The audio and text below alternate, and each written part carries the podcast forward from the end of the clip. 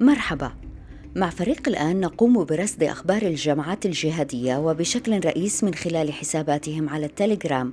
نرصد الأخبار ونحاول أن نضعها في إطارها. ماذا تعني اليوم؟ كيف ترتبط؟ بما كان أمس؟ وكيف ستؤثر في أحداث الغد؟ أنا نهاد الجريري أهلا بكم.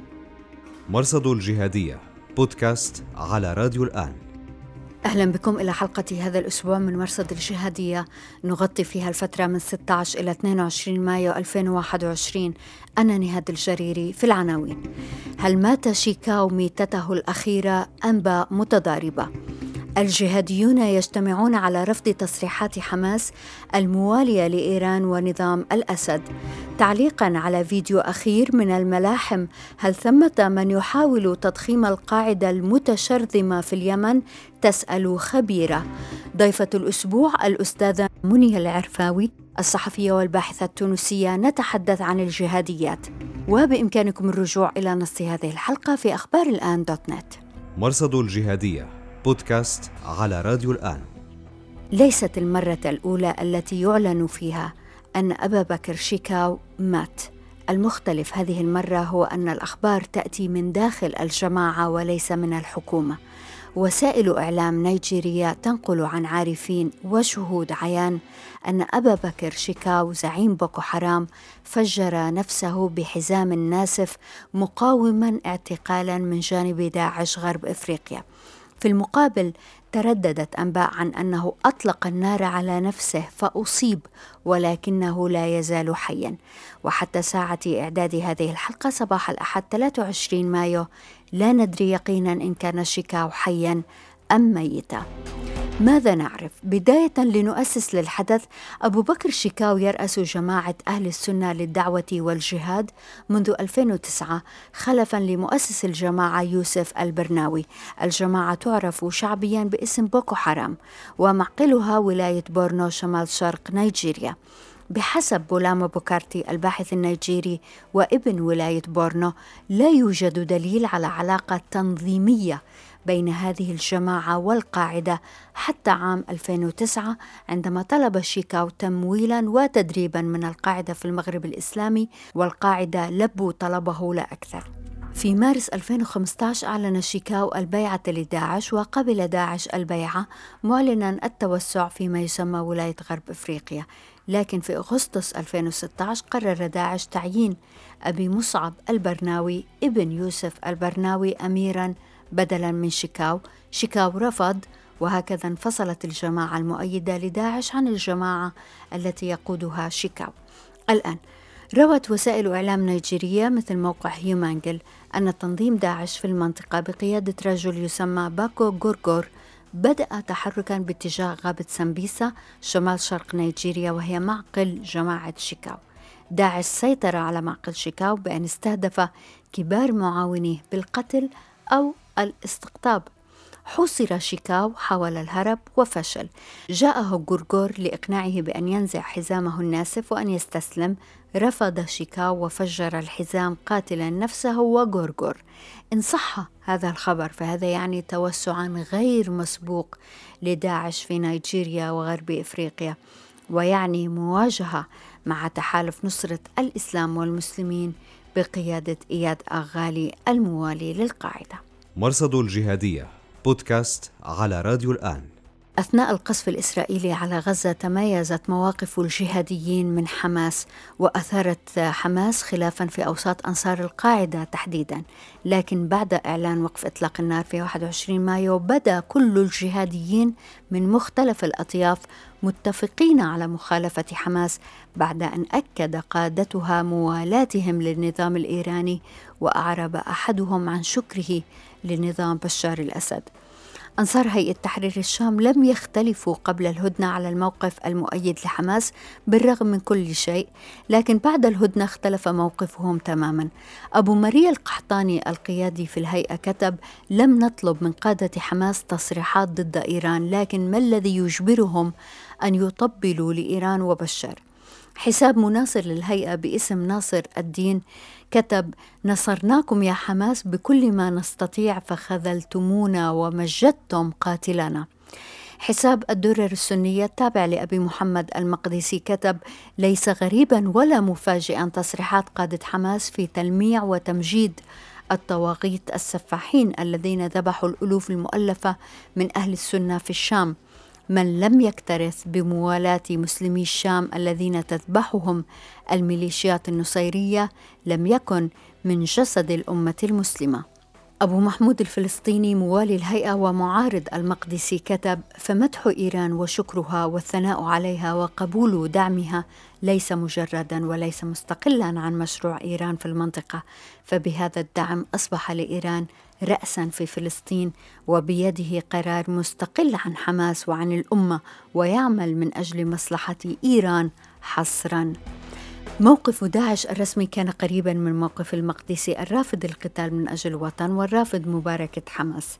في افتتاحية النبأ رقم 287 وتحت عنوان الطريق إلى القدس يقول داعش الفرق بين الجهاد والمقاومة كالفرق بين الحق والباطل وإننا نحسب أن المجاهد الذي يتربص بالرافضة في العراق أقرب إلى القدس ممن والى الرافضة. مرصد الجهادية. بودكاست على راديو الآن.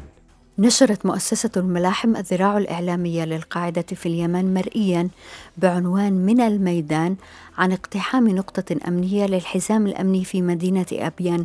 وفي الفيديو يتحدث باترفي صوتا وصورة. الخبيرة في الشأن اليمني إليزابيث كاندل المحاضرة في جامعة أكسفورد قالت يبدو باترفي بمظهر جيد والسبب هو أن الفيديو مأخوذ من تصوير قديم بتاريخ يوليو 2017 وتسأل هل ثمة من يحاول أن يجعل القاعدة في اليمن تبدو أكبر من أجزائها المتشرذمة؟ أعلنت السلطات التونسية قتل عبد الباقي بن أحمد بوزيان أمير كتيبة عقبة بن نافع التابعة للقاعدة في المغرب الإسلامي. بوزيان جزائري تولى الإمارة في 2019 خلفا للباي العقروف وهو أيضا جزائري. بالإضافة إلى بوزيان قتل أربعة إرهابيين في عملية الحرس الوطني في جبل شعامبي بالقصرين. الأربعة هم جزائري أساسي بن الجيلاني عمي عيسى مسؤول التمويل وثلاثة تونسيين منهم مسؤول الدعم اللوجستي. أفرجت الولايات المتحدة الأمريكية عن سيف الله براشا الأكبر سنا بين سجناء معتقل غوانتنامو براشا كان رجل أعمال ثري في باكستان وكانت له عقارات في نيويورك. اتهمته السلطات بأنه ساعد ماليا اثنين من منفذي هجمات 11 سبتمبر. براشا قال إنه لم يكن يعلم أنهما من القاعدة. أمريكا أفرجت أيضا عن عثمان عبد الرحيم عثمان وهو يمني لم يثبت عليه جرم وعن عبدول رباني وهو باكستاني من الإثنية البرمية كان يدير مخابئ للقاعدة في باكستان. مرصد الجهادية بودكاست على راديو الآن. نشرت النبأ الجزء الثاني من سيرة أبي محمد فرقان صانع إعلام داعش المرعب يتعلق هذا الجزء بعمل فرقان في الشام بعد إعلان ما يسمى الخلافة. كيف وضع الاستراتيجية الإعلامية بالتوسع في الإصدارات الناطقة بلغات أعجمية مثل دابق والرومية وتأسيس النبأ الأسبوعية؟ وبالإضافة إلى إمارة الإعلام كان عضوا في اللجنة المفوضة أسس الولايات خارج العراق والشام وكان مسؤولا عنها ويخاطبهم باسم أبي عبيدة عبد الحكيم. بعد مقتل العدناني أوكلت له مهمة قيادة اللجنة المفوضة. قتل في غارة على الرقة في سبتمبر 2015 نشرت معرفات هيئة تحرير الشام لقاء جمع الجولاني زعيم الهيئة بقيادات عسكرية في الهيئة هم أبو حسن ستمية أبو خالد بقداش أبو مسلم وأبو قتيبة. مزمجر الثورة السورية وصف الاجتماع بالمسرحي الذي يهدف إلى عرض العناصر السوريين للواجهة وهم بالحقيقة أحجار شطرنج عند العراقي والمصري والتونسي والسعودي.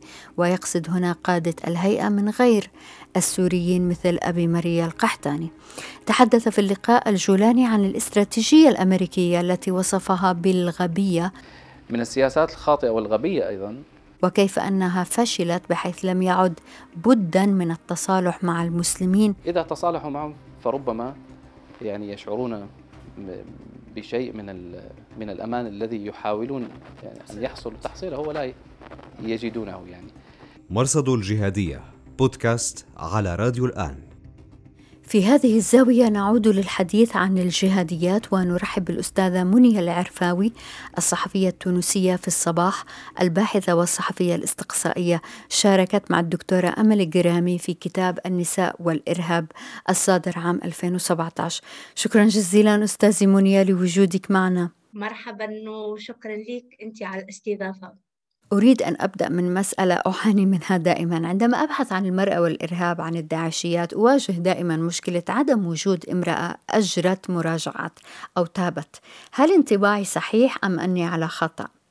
أه، لا لست على خطأ. أولا أريد أن أشير في البداية أنا لي موقف من هذه المراجعات بشكل عام لأني لا أعتقد أن تجربة المراجعات في العالم العربي على الأقل في التجارب التي اطلعت عليها أنها تجربة ناجحة حتى ولو كانت متطورة إلى حد ما. إلى اليوم هذه التجربة أو هذه الم... هذه البرامج اللينة للحد من التشدد ومن التطرف يعني آه، ما زالت ما زال هناك الكثير آه، آه، للحديث عنه في هذه البرامج. نأتي إلى المراجعات النسوية. ليست هناك مراجعات في الحقيقة. آه، هناك بالعكس آه، كان باش نحكي أنا على تجربتي في الكتاب معناتها هناك تمسك معناتها آه، بالمنهج وتمسك بالخيار أنك تنضم إلى هذه الجماعات المتطرفة وهذه الجماعات العنيفة. هناك تمسك شديد بهذا الخيار لآخر لآخر لحظة ودفاع عن هذا الخيار لآخر لآخر لآخر لحظة. لماذا ليست هناك مراجعات آه، نسوية؟ موضوعيا وأعتقد أن الأمر ببساطة أن العنصر النسائي في هذه الجماعات سواء الجماعات الإقليمية أو المحلية أو الدولية. وهذه التنظيمات ليست له ذلك الحضور المؤثر المؤثر والقوي لا يقود حتى وإن وصل إلى مواقع القيادة هو وصلها لظروف وسياقات معينة. يعني لا تفتي النساء في أمور الجهاد. آه، ليست لها فكر. هي قد تكون تقاتل وتنغمس وتقوم بتفجيرات انتحارية وتقود كتائب لكنها آه، المراجعات ماذا تعني المراجعات؟ هي المراجعات بالضرورة هي مراجعات فكرية عقائدية. آه، فكريا وعق... وعق... وعقائديا الامرأة ما زالت تابعة في هذه الجماعات لما ينتجه الرجل من أفكار وفتاوى. آه، المرأة يعني لا نرى نساء تنتج أفكار متشددة. هي تنفذ هذه الأفكار. آه، تصل بها إلى درجات عليا في إطار هذه التنظيمات. تكون أكثر شراسة وانغماسا أحيانا آه، في تنفيذ هذه الأفكار لكنها لا تنتج فكرا حتى تنتج مراجعة.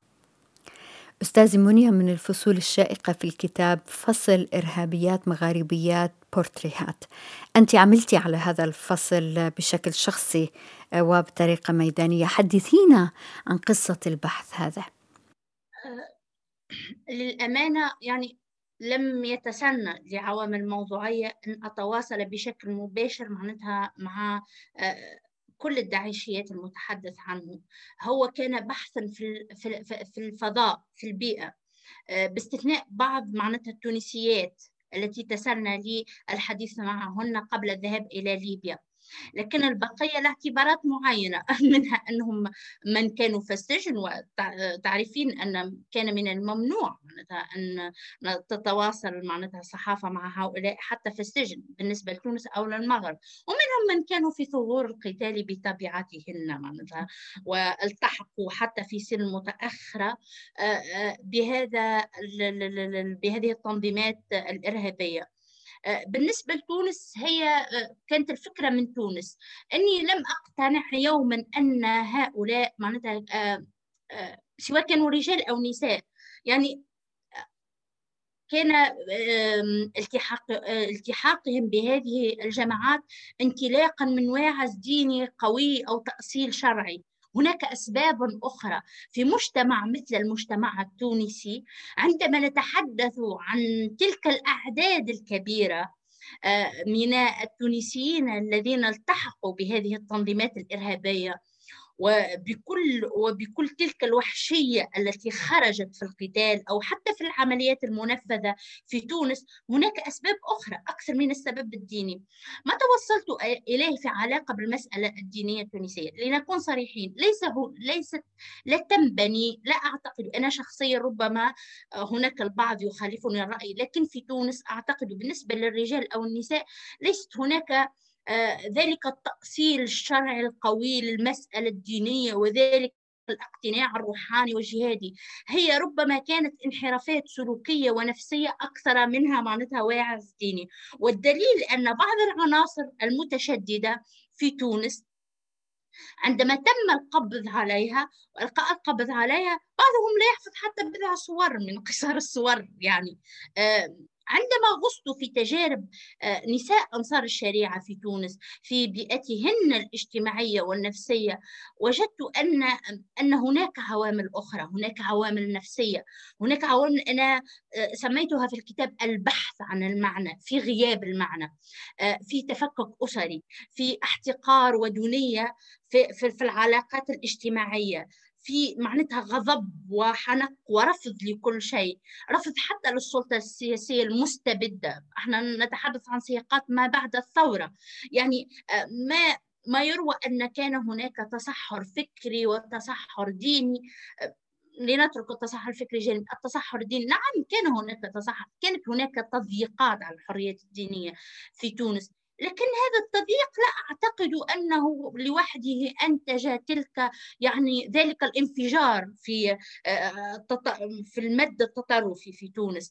آه، منذ أيام التقيت في عملي يعني منذ بضعة أشهر آه، التقيت في عملي كصحفية بأحد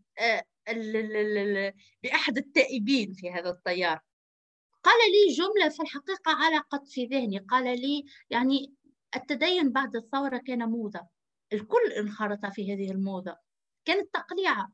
كانت يعني وبان بالكشف أن بعض السيدات كن يرتدين النقاب لكن لا يؤدينها الصلوات ولا ولسنا ملتزم ملتزمات في علاقة بالصلاة مثلا. هذا كل معناتها هذه التجربة التي أردت أن أخوضها ميدانيا بالاستماع إلى المدرسين الأشقاء الأخوات الجيران لماذا؟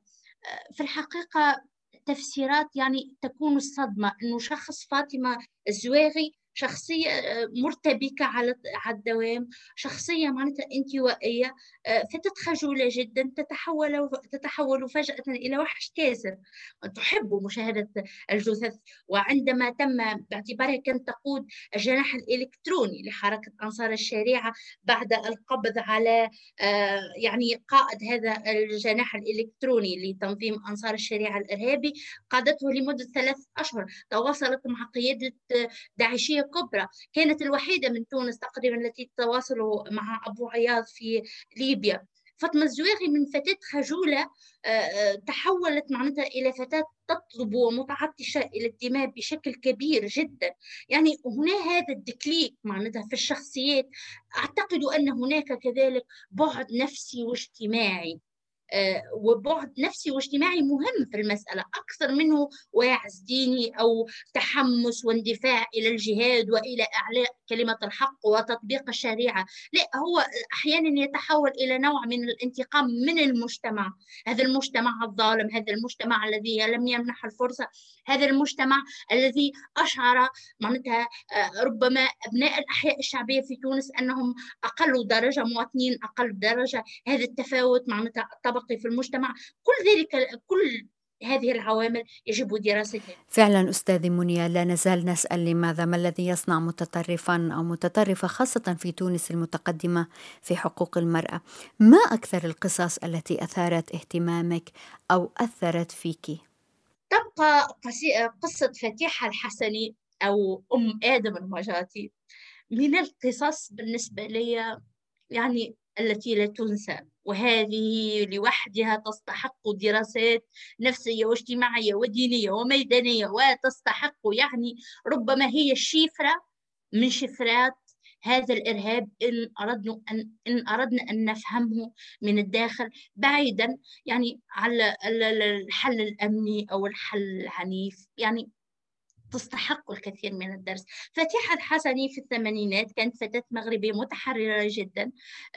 تؤمن بحركة التحرر في كل بلدان العالم. نسوية ثائرة على منظومة تعدد الزوجات. أين تنتهي فتيحة الحسني؟ تنتهي زوجة ثانية في في مرحلة أولى تنتهي زوجة ثانية في أفغانستان. متحمسة رافعة لواء الجهاد. ثم في رحلة عودة يعني محفوفة بكل المخاطر من أفغانستان إلى السعودية. في السعودية تفقد زوجها وابنها في أحداث الرص 2015 2005 آه، عندما أرادت آه، أحد الخلايا الإرهابية التابعة لتنظيم القاعدة أو قامت بتفجيرات ومواجهات مع الأمن السعودي. ثم بعد ذلك بعد 2005 ترحل إلى المغرب آه، مع ابنها. هي كانت عندها أعتقد أنهم ولدان. أحدهما فقدته هناك في أحداث الرس مع والده والآخر عادت معه إلى المغرب. آه، تودع في معتقل تمارا آه، وهو من السجون يعني السجون آه، التي تكون فيها التجربة صعبة جدا تجربة السجن صعبة جدا. تخرج بعد الثورة في مع ابنها الذي كان يعاني من اضطرابات نفسية. عميقة واضطرابات سلوكية 2015 تعلن البيعة للبغدادي وتلتحق بنظام الحريم في داعش.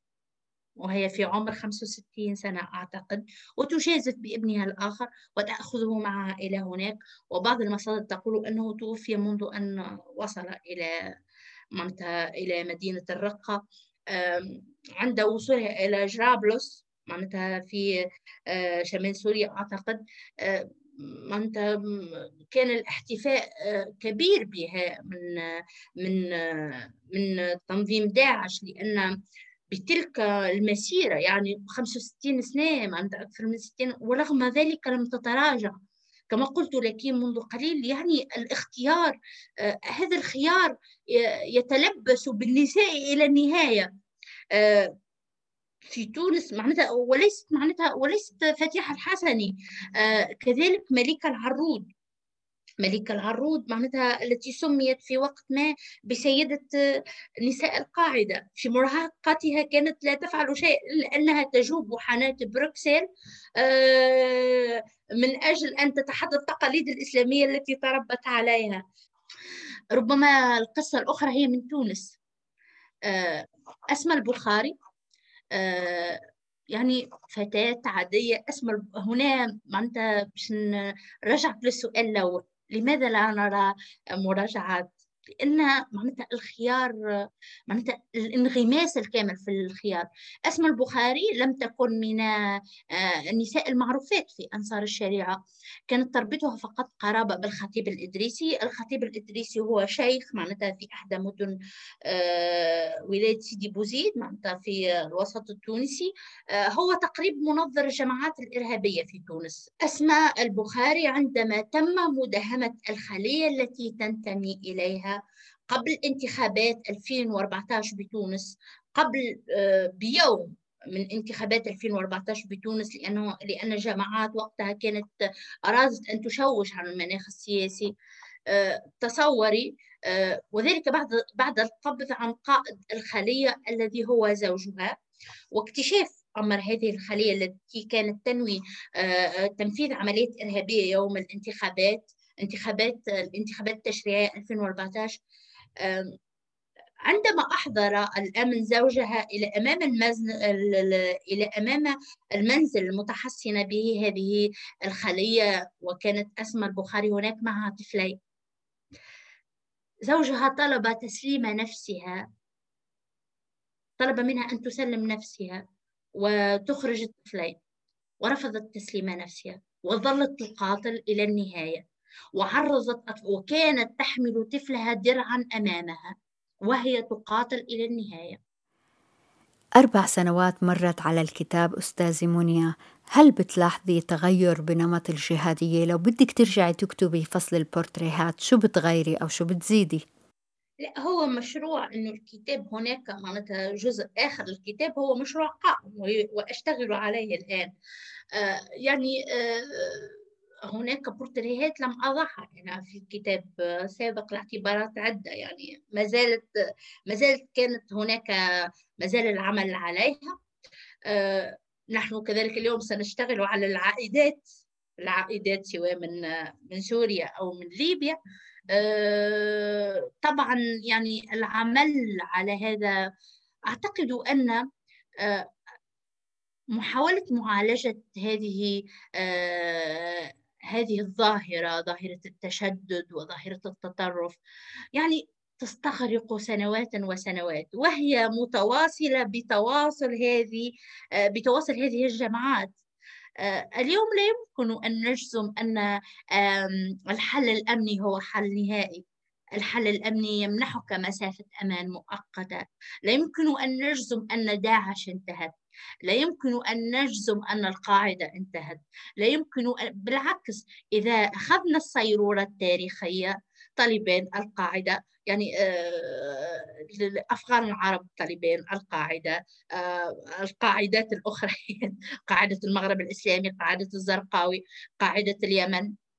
بعد ذلك داعش بكل تفريعاتها أنصار الشريعة. نحن في خلال السنوات القادمة سننتظر ولادة تنظيم آخر.